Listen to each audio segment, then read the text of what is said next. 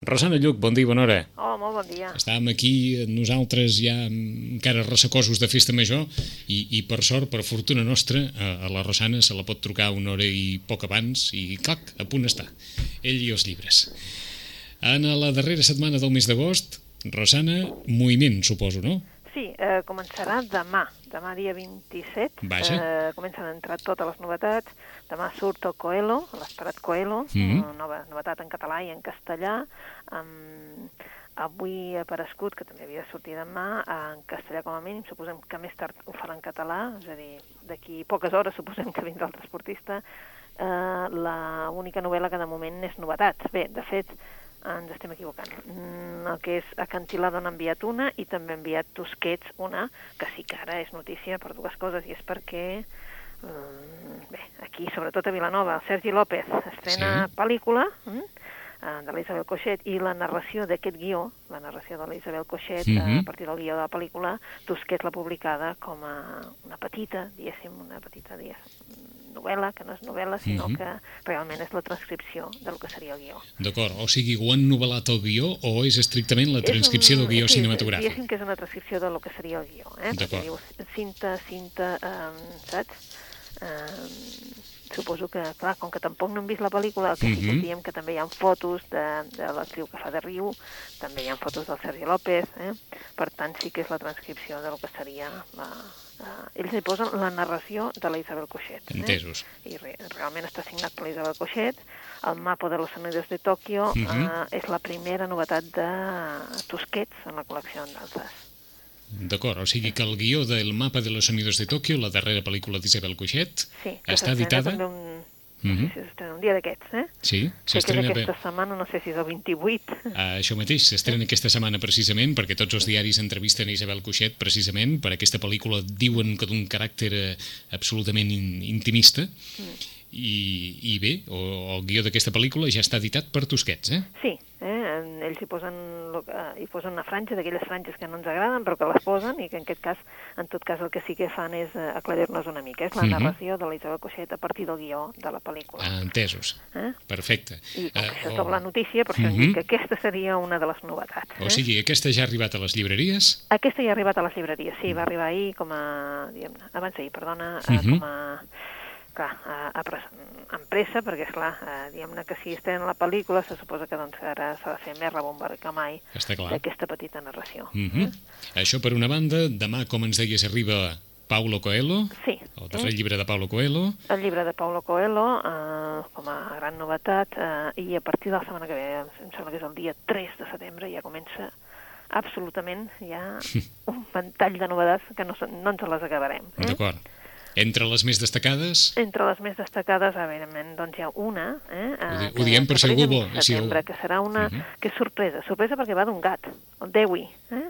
Ha estat eh, precisament doncs, mm, novetat important a tots els països i el Dewey surt en català i en castellà a, a mitjans de setembre. mm -hmm. També en tenim una que sortirà també en català i en castellà, i això ho remarquem perquè com que cada vegada els hi demanem més a molts editors Mhm. que facin aquest esforç, ja que són traduccions, eh? ara, ara ens has deixat, però, una mica aquí amb, amb, l'incertesa, eh? Sí. eh? Que és la història d'un gat o és la vida d'un gat? O, Sí, sí, sí, és, la, la, és, és un gat que es diu Dewey, Sí, uh, és que acabo de parlar amb el representant i, i diu, t'ha agradat? Dic, perdona, a mi no me la vas passar, no, no, no en sé res. Diu, és que està agradant molt. Dic, doncs no hi... Diu, ara mateix te l'enviaré per correu perquè la puguis llegir. D'acord. doncs, eh, Aquesta és una- que- eh, aquesta és és, una- una, és una nit de, veure que m'ha explicat, eh? l'any 88, que la Vicky troba un gatet, eh? Mhm. uh, bueno, en la bústia de retorn de llibres de la Biblioteca Pública de Spencer, eh? a Iowa. Eh? Això sempre passa, no sé per als Estats Units. Estats Units eh? Mm -hmm. Uh, la Vicky treballa en la, en la biblioteca i per tant ja tenim llibres i, i, i animals tots junts, no? Uh, la gent de la biblioteca descobreix que en Dewey no és un gat qualsevol, eh? És un gat que transformarà les vides de tots aquells que l'envolten, eh? Mm, Dewey s'acabarà convertint en el gat més famós del món i la veritat és que diu que la seva història anirà fins al Japó. Eh? És una història, evidentment, de, suposo, eh, si parla de biblioteques vol dir que hi serà una història de llibres, eh? d'amor als llibres, no? als gats, a les persones, eh? Mm. i el llibre diuen que ha estat traduït a més de 20 llengües i, per tant, n'han vengut moltíssims. Eh? Jo suposo que d'això se'n farà una pel·lícula, o sigui Mm. que en veurem Um, més tard una pel·lícula. Tu que, eh? tens, tu que tens molta més coneixement que nosaltres, recorda'ns aquella història de la rata. De la rata. Doncs pues mira, precisament Quin, hem de quin, llibre, quin llibre era aquell, El Rosana? Firmin. Ah, això eh? mateix. Doncs l'hem de recordar perquè en català fa l'esforç de posar-lo ja en butxaca, eh? en butxaca surt eh, també aquest mes, surt Sí. el dia 10, tot just abans de, eh? Mm? del nostre dia, de l'11, doncs de la vigília surt el, el Firmin del Sam Sabaix, recordem aquella... Eh? Sí. El Firmin era aquell ratolí que va néixer precisament doncs, en una, diguem-ne... Llibreria? Eh? En una llibreria de vell, era? Exacte, i a partir d'aquest, eh, bueno, s'enamora del llibreter, no? I era un, llibre, un llibreter, per dir-ho d'alguna manera, dels anys 60, un llibreria decadent, un barri de Boston, d'aquells Mhm. que... Eh? I s'enamora realment del llibreter. El llibreter, en principi, el que veu és una rata. Això és la, la contraposició perquè eh, ell és una rata solitària, una rata d'allò que en diríem de biblioteca, en aquest cas és de llibreria, marginat, eh, una rata marginada per la seva família i que la veritat és que el que busca és l'amistat del seu heroi, Mhm. el llibreter, eh? i al final acaba doncs, amb l'amistat d'un escriptor de ciència-ficció fracassat però que l'estima, la cuida, etc etc. D'acord. L'edició en català del llibre utilitza també les il·lustracions de Fernando Cran? També, També. exactament. I també ara eh, apareixerà, eh, coincidint també amb l'edició de Butxaca, doncs apareixerà la segona novel·la d'aquest autor del Sam Sabaix, que es diu El crit del peresós. Eh? El crit del peresós. Sí, eh? eh, apareix el dia 10 també, eh? el crit Mhm. del peresós, i de fet és un- una història de d'una revista d'un d'un personatge que és l'Andreu Whitaker, que és l'editor d'una revista literària eh? molt modesta però molt cuidada i que és una història, una revista de les arts, eh? i a través d'aquesta publicació espera doncs, eh, doncs una mica eh, intentar que la gent doncs, eh, doncs, parlar de l'excel·lència literària. Eh? Mhm. Mm, Bé, clar, una mica complicat perquè això doncs, no és una cosa doncs, que doni diners i es posa en una sèrie de deutes, també té una exmuller molt exigent, els autors que estan desesperats perquè ells també volen cobrar, els llogaters que són bojos i bé, una mica doncs, eh, aquest crit del presós és també el crit d'algú que li manca una mica de perspectiva. Eh? Decideix llavors, doncs, com que no té recursos econòmics, aquest, crear un festival literari per salvar aquesta revista. Um, és una mica, eh, saps, recuperar tot allò que ell volia, no? L'amant perduda, una mica de glòria, allò de dir, ja que ha fet una revista literària, a veure si algú se n'adona del que està fent, no? Um, la veritat és que és una dissecció del món de les arts, no? Una mica allò en plan boig. Eh? Mhm. Eh, és una obra realment, suposo que tan original com, com l'altra, eh? el que sí que aquesta doncs, eh, ens haurem d'esperar el dia 10 eh? Mm, per llegir-la. D'acord. Eh? Hem fet gairebé una carambola, perquè hem començat amb Dewi. Sí, D'un eh? gat hem anat- anat a parar. D'un gat hem anat a parar la rata de Sam Savage, a Firmin, i després el crit peresós. Però ja que estàvem amb la qüestió animal, Sí, sí, eh, sí. eh, en la llista dels llibres més venuts de, de ficció en castellà, en, ca- en castellà, havíem parlat mai de, de Siete maneres de matar un gato? No, la No. veritat és que ha sigut una sorpresa, ha sigut un llibre que, que, bé, que ha sortit a partir d'unes crítiques, doncs la gent el va començar a demanar molt discretament, a mi també Mhm. m'ha sorprès que estigués en la llista dels més venuts, perquè, clar, doncs, eh, bé, és una mica sorpresa, no? Però vaja, sí que la veritat és que l'han començat a demanar i no l'he llegit, la veritat és que no l'he llegit, eh, he vist aquí que, que el posaven com el, com un dels més venuts Sí. i pensat, bé, després me l'hauré de mirar perquè realment mm, no l'he mi- no, no mirat. Eh? Diria que no, no ve massa... Mhm. No, diria que no té relació amb el No món té dels relació animals, amb eh? l'animal, em sembla que no, però sinó vaja. que té, té relació amb els suburbis de, de Buenos Aires, amb, amb l'altre, diguem-ne, Buenos Aires, eh, Exacte. allunyat de, del tango i de la imatge tòpica de sempre. Eh? Sí. Però el títol del llibre és aquest, Siete maneres de matar un gato, de Matías Nespolo, editat per Los libros del, del Lince. Del lince. Estàvem, però, en aquelles novetats que han d'arribar la, la setmana que ve, amb aquest devessall de novetats, i ens n'han vingut ja unes quantes al cap. En vols afegir alguna més, Rosana, Sí, de doncs novetats? n'hi ha un altre que també ja, ja ha arribat a la llibreria. A part d'aquest de l'último Dickens que dèiem que era el del Matthew Peel, que el començareu a veure en els diaris perquè és un autor que va estar dintre dels llibres més venuts, perquè un llibre que va publicar que es deia El Club Dante, Mm. Ara, darrerament, no sé per què, doncs el tema Dickens doncs, surt moltíssim a les novel·les. Eh? Recordem ara un thriller que va sortir aquest estiu també sobre, eh? sobre l'obra inconclusa de, del Dickens. Ara tornem amb, la, amb aquesta novel·la inconclusa del Charles Dickens. Què va passar? Quina relació hi va haver entre la, la mort de l'escriptor eh? Mm. I, i aquesta obra, que només deixa un rastre així de, de cadàvers. Eh? és un thriller, allò, aquests que, bueno, que reobre una mica aquest enigma literari que tenim, no? que, què va passar com va morir el Dickens. Eh? D'acord. En definitiva, se n'anem també amb un altre que també ha sortit ara, uh, aquests dies, ha sortit aquesta setmana, el dilluns va sortir una obra que ja estava prevista, que l'Acantilado la passaria a l'agost, a finals d'agost, en comptes del setembre, és un autor japonès, és que veus, se n'anem així per temes, eh? Uh -huh. Isabel Cochet, que ens presenta aquest mapa dels sonidos de Tòquio, i ara se n'anem amb una novel·la escrita pel Hiromi Kawakami. Eh? Mm, bé, és eh, una autora de, que va estudiar biologia, ciències naturals, no? però en definitiva va ser el 94 que ja va aparèixer la seva primera novel·la. Eh? Mm, potser no és conegut aquí, perquè la veritat és que no, però és un llibre que el seu primer llibre ja va ser traduït el, i va ser, va, premi, eh, va ser premi, el Tanizaki, i es va portar amb èxit al, al cinema. De tota manera, um, El cielo es azul, La tierra blanca, és una història d'amor. Una història d'amor mm, japonesa, això sí, eh? ho hem de dir. Uh, per què? Home, perquè la sensibilitat no és pas la nostra. La veritat és que jo aquest sí que l'he llegit, mm -hmm. aquest, aquests dies, i és molt diferent uh, a tot allò que ens estem acostumats nosaltres, a aquest món de sensacions, a aquest món de, de sentiments, són tan acerats, tan afilats, que nosaltres en realitat se'ns escapen una mica. Aquí el personatge és la Tsukiko. La Tsukiko té 38 anys, porta una vida molt solitària, i tu diries una vida una mica sense sentit, eh? Vull dir, perquè per lo que t'explica, um, no saps ben bé, saps, arriba un moment que saps que treballa d'alguna cosa, però en definitiva el que es passa és una mica doncs, el dia doncs, bevent sake amb un, amb un mestre, perquè va ser el seu mestre. Eh? Ella considera que no està dotada per l'amor, no està dotada per les relacions, és una persona que ella mateixa ja es considera rara, mm -hmm. eh? i un bon dia troba amb el seu mestre de japonès, el seu mestre, el que havia estat mestre a l'escola. Eh? A partir d'aquest moment se'l troba en una taverna i a partir d'aquest moment s'estableix com un pacte, més que, més que una amistat, s'estableix un pacte per compartir aquesta solitud que tenen tots dos, totes dues persones.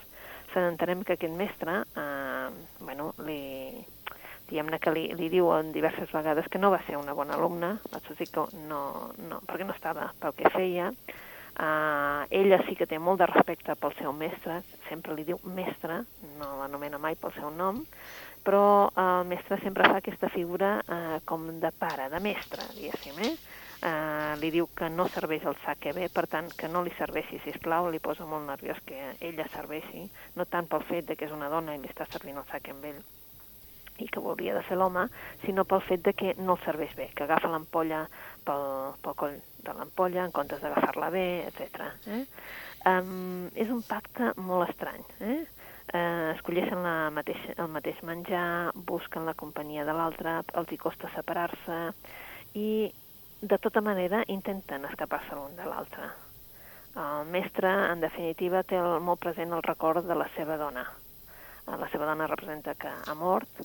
Uh, més endavant ell se n'entera que el va deixar, va marxar amb un altre, i una mica més endavant nosaltres se n'enterem què va passar amb la seva vida, no? El Susik, la Sukiko és un... també coneix a, amb, amb un company de classe, un company de classe en qui intentarà establir una relació, però en definitiva veiem qui és ell qui intenta restablir la relació perquè ella no, diguem-ne que no està dotada per aquestes coses. Eh? És una prosa d'allò sensual, però això sí, mm, no té cap eh, adjectiu així que li sobri, no té cap adjectiu que la faci ni més agradable ni més, mm, més amb més caliu d'allò que nosaltres esperaríem. Eh? Mm -hmm. mm, és un amor molt especial. Eh? I no, no, no sona una lectura amb un esperit massa positiu, eh? No, bueno, és que no sé si n'has llegit gaire no, no, però me'n prefereixo que donen positiu, eh? una certa, per això, una certa sensació de, de frustració, com sí, dir-ho així, sempre, no? Sempre, sempre. Jo no sé què passa, però bueno, uh mhm. -huh. a veure, els lectors de Murakami reconeixeran que, eh, que hi ha aquest sentit de o de, de, o de frustració, d'insatisfacció, o d'infelicitat, no ho sé. eh? Mm, de deixar-se portar per una sèrie de coses. Uh, això sí, us ho dic que si llegiu la novel·la uh, tindreu una sensació de que es passen el dia bevent sake, eh?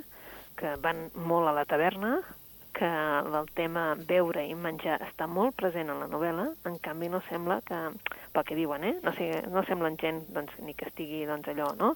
que Mhm. visquin pel menjar, però su- surt molt, molt present el tema de, del menjar en la novel·la, perquè s'aj- s'ajunten precisament per vèncer la, la solitud, però precisament en una taverna o precisament per anar a menjar, eh, passegen molt poc. Eh? Mm, Ell, en definitiva, el que li, també ell li diu moltes vegades de que és massa sedentària, no li agrada, mm, no li agrada passejar, no li agrada, saps, fer una mica d'esport en absolut, i és una relació, ja us ho dic, molt i molt especial. Eh? El cielo es azul, la tierra blanca. Mhm. eh? O sigui una que eh, això és una lectura de tardor, eh?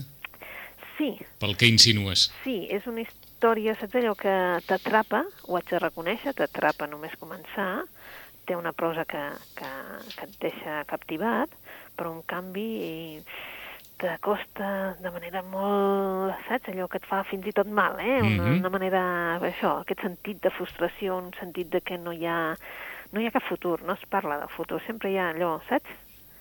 sempre tot és com a molt estrany, no? Mhm. O sigui, li compra un ratllador de formatge perquè no s'atreveix a comprar-li uns, uns ganivets amb el mestre, i tu dius, home, un ratllador de formatge no, no se m'acudiria Sí. en la vida. O sigui, perquè tampoc no hi ha una relació de dir, home, doncs que havien menjat uns espaguetis i que, que no Mhm. tinguessin per ratllar el formatge. No, no, no, en absolut, saps?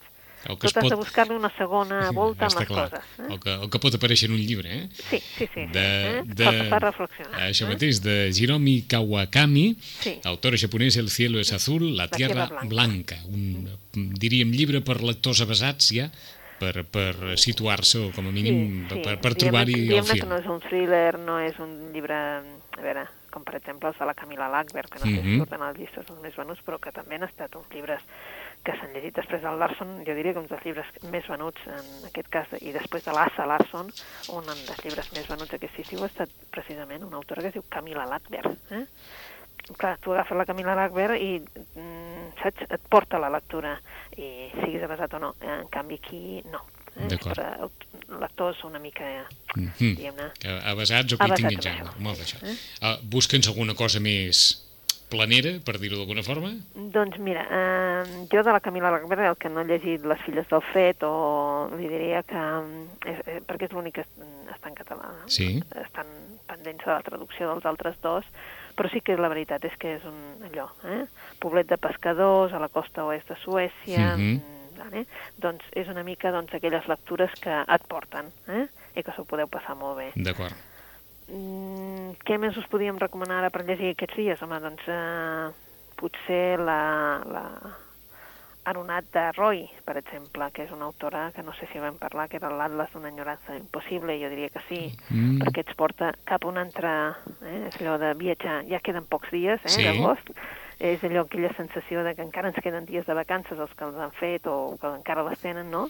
I és una mica, doncs, viatjar cap a, en aquest cas, cap a, cap a la Índia, no? Mhm. És perquè és la Índia d'aquella, la Índia de paisatges, la Índia d'aquella que disfrutem de la gent, de la, dels jardins, uh, però també és la- l'altra la, Índia, eh? la, de, la de la misèria de les grans ciutats, la de pocs diners, la de les vicissituds d'una família bengalí a principis del segle XX. Mm -hmm. Recordo que ens havies comentat d'aquesta història eh, Sí, eh? de, que, que- on s'explicava molt el context de l'època també. Exacte, mm Mhm. -hmm. llavors també podria ser una, una lectura totalment diferent. I aquí ens ha cridat l'atenció, havíem parlat de la pedra de paciència? La pedra de pacient, jo diria que sí, perquè és una de les obres que jo he estat recomanant. Si no us la recordem Mhm. ràpidament, Ha aparegut ara la llista dels llibres més venuts en català, el número 10, La Sí. pedra de paciència de Atik Rahimi. de Tik Rahimi. Eh? Um, sí, és un autor que segur, segur que us agradarà i jo diria que ens agrada molt en, la, en aquest cas, eh? la pedra de la paciència en, jo a totes les dones que els he recomanat els hi ha encantat eh? és mm, Afganistà eh? Per això ja us, us situro eh, ha de ser dura i la pedra de la paciència és pedra realment i jo la, la compararia, per comparar-la d'alguna manera eh? eh? per la situació. Eh? Imagineu-se a 5 hores com Mario del, de, sí, de, de Miguel Delibes, eh? eh? si recordem, eh? una dona que davant del cos del seu marit mort, sí. doncs li dona per recordar tot eh, el bo, però sobretot tot el dolent també. Eh? Doncs en aquest cas, la pedra de la paciència tenim eh, amb una dona que té el marit ferit de la guerra eh? i el té doncs, allà eh, eh, doncs, eh, convalescent, uh -huh. um, no um, fa veure que no, no, no sent res, o sigui, no es mou, um, l'ha de cuidar, um, hi ha la guerra, um, per tant ella també ha de vigilar moltíssim de, m'entens? On te'l posa, on te'l deixa de posar, la guerra és el rerefons uh, de, de tot, no hi ha llum, no, no hi ha absolutament res, i ella el cuida, i el cuida però, clar, és una dona, és Afganistan i ha patit molt, eh? um, ha anat patint i això li dona el fet de que ell estigui allà convalescent i que l'hagi de cuidar i tal, sí. li dona uh, la possibilitat de, de parlar, com si parlés en veu alta de tot el que ha estat la seva vida fins ara, no? Evidentment té molts retrets, perquè ell és un home, un home d'Afganistà, un home que no l'ha tingut gaire en compte. Eh? Um, al final és mm, també frapant, eh? però ja us dic que és un llibre molt curtet, un llibre molt planer, i jo realment el recomano, però de totes, totes. Mm -hmm. eh? La pedra de paciència, de, la paciència, sí. de Atik Rahimi, editat per Empúries, en el número 10 de la llista dels més venuts. Aquesta vida plena d'insatisfaccions que recorda d'alguna forma l'esposa d'un marit convalescent de, de ferides de guerra mentre el té allà eh, cuidant-lo eh, totes les hores de, del dia. Tenim temps per una recomanació més, Rosana. Doncs mira, aquest autor, ara que dèiem això, va fer un altre llibre que segurament els, els nostres, que ens estan escoltant potser recordaran, que era Terra i Cendra, que també era un llibre preciós, però tornava a ser també, tornava a ser també, clar, un tema dur, perquè en aquell cas, per aquells que el vulguin recuperar, com que aquest també hi és ja butxac, etc., doncs era un... Mm, hi havia també la guerra com a rerefons, i era un avi amb el seu net que s'havien quedat sols perquè havia esclatat una bomba molt prop de casa seva, mm -hmm. havia mort la, la mare del nen, per tant, i l'avi va agafar el nen i havia de travessar i anar-se'n fins on te treballava el fill, eh? havia de travessar, com si diguéssim, el país, sí. fins on te treballava el fill, el fill treballava unes mines, i dir-li aquesta notícia tan dolorosa. No? De la mort de la seva esposa. De la mort de l'esposa, i que uh -huh. s'havia quedat sense família, perquè no hi havia ningú més, o sigui, només uh -huh. hi havia el nen. El nen s'havia quedat sord de l'esclat de la bomba, hm? i era una mica, doncs, allò, no? Terra i cendra. Uh -huh. I de del mateix quan... autor, eh? Eh? Del mateix autor, eh? Del mateix autor, del mateix autor. Aquesta també va ser una dels finalistes del Premi Llibreter i realment jo la Uf. recordo com a una novel·la preciosa també, però esclar. Uh -huh. eh? Hem dit això i és una novel·la, una novel·la dureta. Eh? No, per això, per això, perquè només, escol dura, eh? només escoltant la sinopsi de la història eh, se n'adona de, de, de la càrrega sí. emocional de, de la novel·la. Terra i cendra, també, de Tic Rahimi. De Tic Rahimi. Eh? Qui, vulgui, qui vulgui fer, diguem-ne, un, un pack amb les dues novel·les, però compte perquè totes dues... Sí, són, eh, són novel·les doncs, que, bé, que has d'estar bé d'humor, diguem-ne, perquè si no, doncs... Eh, comences a pensar en el sentit de les coses i en el sentit de tot plegat. Entesos. Però, en definitiva, també, si no, tenim el Marc Levy, que també ens fa pensar, no?, d'aquestes possibles segones oportunitats. Eh? Um, el Marc Levy ha fet una novel·la que està traduïda al català i castellà que es diu Totes les coses que no ens vam dir. Eh? Mm -hmm. És una mica, doncs, això, no?, uh, que la Júlia, no sé si la vam comentar aquesta, que la Júlia rep una trucada del seu del secretari del seu pare, eh? i un home de negocis brillant, però que ella no l'havia pogut disfrutar com a pare, mm -hmm. però en definitiva el que li diu és que no podrà assistir a la cerimònia. Uh, l'excusa, realment, doncs, ara sí que l'excusa de debò se la pot creure, i és que el seu pare és mort. Eh? Bé, després d'aquest acte, és el seu pare uh, apareix aquí com a té, té un do com a particular per desaparèixer en el moment en què realment la seva vida havia de, de canviar, no? L'endemà de l'enterrament, la Júlia el que descobreix és que el seu pare encara té una sorpresa per ella. Eh? Mm, L'única ocasió que té el seu pare per explicar-se, eh, per dir-li tot allò que mai s'havien dit. Eh? Mm, un diari, una explicació del pare de tot allò que no s'havien explicat. Eh? És una, una novel·la també de sentiments, una novel·la que realment eh, l'autor, eh, bueno, eh, a França ha tingut un èxit eh, espectacular. Aquí eh, la veritat és que té el seu públic i és allò de totes aquelles coses que no ens van que no ens van dir. Acabem només amb, amb un títol. Saps el nom del títol de Paulo Coelho que surt demà? Sí, mira, el, el títol de... A veure, un segon, que em sembla que es diu El vencedor està sol. El vencedor està sol. El vencedor està sol, eh? És... Tapa que també té... Sí, és... és eh, el qual ens té acostumats, no? Eh, és un títol per vendre, això, eh? Sí, el vencedor està sol. El vencedor eh? està sol. Eh? Suposo que és... no? Mm -hmm. eh... Ho diem per tots aquells que ja es vulguin acostar a les llibreries de demà, sàpiguen, el darrer en llibre de... principi, el dia 27 o 8, és a dir, demà, hauria mm -hmm. d'aparèixer tant en castellà com en català, El vencedor està sol, de Paulo Coelho. Doncs hem començat per aquesta novetat. En 15 dies en trobarem moltes més, però moltes, si no, els qui els agradi especialment el cinema d'Isabel Coixet, sàpiguen que la pròpia directora ha fet per dir-ho d'alguna manera, a partir del guió de la seva darrera pel·lícula, del mapa de los sonidos de Tòquio, una, una mena de, en fi, d'esbós de, de vocació personal a partir del guió d'aquesta pel·lícula que eh, s'ha editat també aquests dies, que ben aviat apareixerà doncs, aquesta història que ens deia la, la Rosana que està cridada a ser un èxit de vendes, o almenys així li ha dit el representant de l'editorial, perquè es veu que arreu del món la història de Dewey, d'aquest gatet que el troben a la bústia d'una biblioteca pública de l'estat d'Iowa, doncs canvia la vida de totes les persones que, que l'envolten, això està cridat a ser un èxit, Recordar-los també, per altra banda, que Sam Savage, l'home de, de Firmin, ha sortit, la versió sortirà el 10 de setembre, la versió en català de Firmin, d'aquesta rata d'una llibreria de vell de, de Boston, llibre que va ser il·lustrat tant en la versió castellana com aquesta també en la catalana s'agafen els mateixos dibuixos esplèndids de Fernando Cran. Per tant, qui vulgui en català Firmin, eh, ja sap que ho podrà trobar a partir del 10 de setembre. Eh? Ja en butxaca, ja hi era.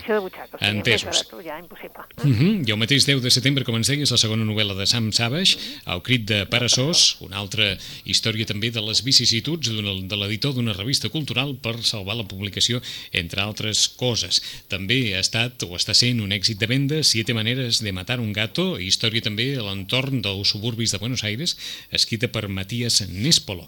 I entre algunes de les recomanacions de la Rosana, doncs aquesta, aquest llibre d'una autora japonesa, diguem-ne, adreçat especialment ja a lectors que, que portin una, un, una certa trajectòria ja en el món dels llibres, El cielo es azul, La tierra blanca, de Hiromi Kawakami, i després, en aquest cas, La pedra de paciència, d'Àtic Rahimi i Terra i cendra del mateix autor, poden ser dues recomanacions també molt bones per totes aquelles persones que puguin ficar-se en temes d'actualitat, però amb un amb esplèndidament novel·lats, però amb una càrrega simbòlica molt important. I finalment aquesta història de Marlewi, totes les coses que no ens vam dir, que és, hores d'ara, el quart llibre més venut en català. En 15 dies tornem amb més novetats. Rosana, moltes gràcies. Moltes gràcies a vosaltres. I en 15 dies tornem a xerrar. Fins aleshores. Fins aleshores. Adéu-siau. Adéu.